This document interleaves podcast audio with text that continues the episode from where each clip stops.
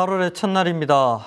여러분, 이 8월이 지나고 나면 추수하는 계절 가을 9월이 다가오게 됩니다. 8월 한 달 동안 영적인 땀을 흘리시고 기도의 눈물을 흘리셔서 9월에는 영적인 추수를 가득하게 하는 기쁨이 있기를 바랍니다. 이 8월의 첫날을 시작하는 오늘 거룩한 향이라는 제목으로 기도 수첩을 시작하겠습니다. 출애굽기 30장 말씀에 보면 그 향 얼마를 곱게 찌어 내가 너와 만날 회막 안 증거궤 앞에 두라 이 향은 너희에게 지극히 거룩하니라 아멘. 인생을 살다 보면 원하지 않아도 문제가 찾아오고 또 그 문제 때문에 시련을 겪는 사람들이 있습니다. 크고 작은 문제로 염려할 일이 많아 보이지만 하나님께서는 염려하지 말라고 하십니다. 물론 거기에는 전제 조건이 있습니다. 아무나 염려하지 않으면 되는 것은 아니고요. 하나님의 자녀가 맞다면 염려할 필요가 없다는 말씀입니다. 하나님의 자녀는 성취될 말씀을 붙드는 예배가 있고 영원히 성취될 언약을 붙드는 본부의 말씀들이 있고 그 언약을 붙들고 기도하면 응답되는 기도의 특권이 하나님의 자녀에게는 있기 때문에 하나님은 우리에게 염려하지 말라고 두려워하지 말라고 걱정하지 말라고 말씀하십니다. 오히려 네 입을 넓게 열라 내가 채우리라고 했습니다. 너는 내게 부르짖어라 내가 네게 응답하겠다고 말씀하셨습니다. 오늘 나의 염려를 내려놓고 기도와 연결하면 성령의 인도를 받게 됩니다. 첫 번째, 거룩한 향입니다. 본문에 기록된 거룩한 향은 기도입니다.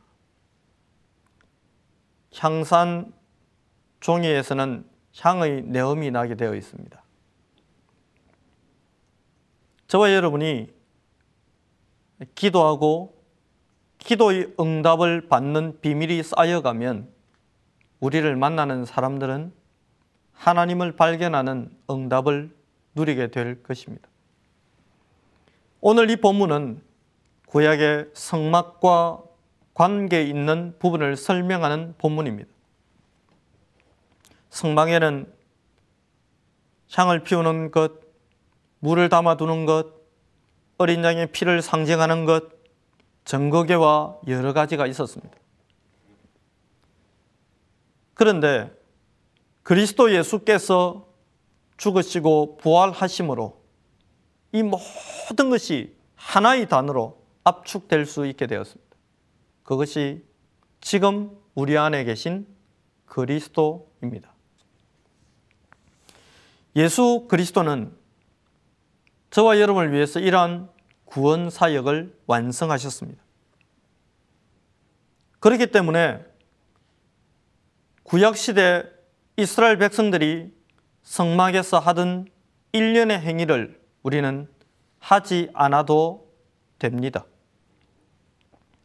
그리스도께서 이미 향기로운 제물로 하나님 앞에 드림 바 되었기 때문에 하나님이 우리에게 주셨던 모든 언약은 완벽하게 성취되었습니다.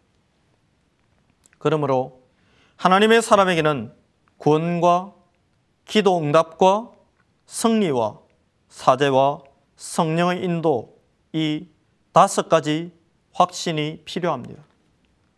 그리스도의 승리 속에 이미 우리의 발이 들어왔고 그리스도가 십자가에 흘린 그 보혈이 이미 우리 안에 있고 그 그리스도 예수 이름으로 기도해서 응답받을 특권을 하나님이 주셨고 그래서 궁극적으로 승리케 될 신분으로 변했다는 사실을 여러분은 기억하셔야 합니다.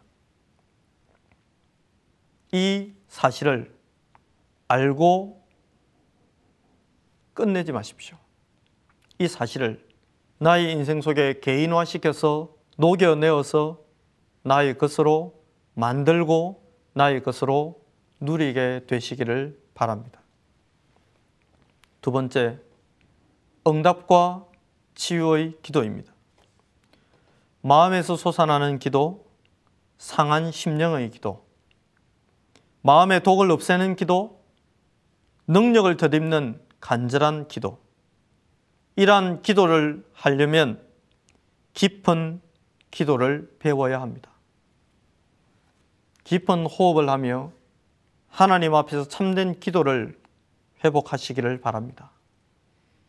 깊은 기도를 하다가 로마 복음화라는 하나님의 계획을 발견했던 바울처럼 저와 여러분은 깊은 기도를 통해서 하나님의 거룩한 뜻을 발견하고 그 하나님의 계획 속으로 들어가는 응답을 누려야 하겠습니다. 히스기야와 렘넌트 일곱 명의 기도가 이러했습니다. 우리의 기도에 하나님은 마음과 생각을 붙드시는 것으로 먼저 응답하십니다. 아무것도 염려하지 말고 오직 모든 일에 기도와 간구로 너희 구할 것을 감사함으로 하나님께 아뢰라. 그리하면 모든 지각에 뛰어난 하나님의 평강이 그리스도 예수 안에서 너희 마음과 생각을 지키시리라. 응답 이전에 저와 여러분의 마음과 생각 속에 하나님은 이미 응답을 허락해 놓으셨습니다. 즉시 오는 응답도 있습니다. 시간을 두고 올 응답도 있습니다. 그리고 오지 않을 응답도 있습니다. 하나님은 시간표를 따라 응답을 주시는데 가장 먼저 오는 응답은 기도하는 가운데 여러분의 마음과 생각 속에 기쁨과 감사와 이유가 발견되는 응답입니다. 이 응답을 여러분의 것으로 소유하게 되기를 바랍니다. 오늘의 포럼을 함께 나누겠습니다. 현장에서 깊은 기도가 되고 있나요? 나의 안고 일었음을 아시는 하나님께 향기의 제사를 드리는 것이 기도입니다. 지금 다시 기도 계획을 세워 보세요.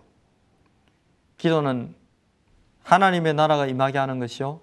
하나님을 일하게 하는 것이요. 하나님의 역사를 나의 현장에 당겨오는 것입니다. 이 기도를 여러분의 것으로 소유하는 축복이 있기를 바랍니다. 기도하겠습니다. 우리에게 오직 한 이름 예수 그리스도 이름을 주신 것을 감사드립니다. 그 이름으로 기도함으로 우리가 있는 모든 현장에 하나님의 나라가 임하게 하심을 감사드립니다. 그 하나님의 나라를 체험하는 은혜가 모든 다락방 가족에게 넘치게 하셔서 우리가 가는 모든 현장에 그리스도의 향기가 기도 응답으로 진동케 하옵소서. 살아계신 예수님의 이름으로 감사하며 기도하옵나이다. 아멘.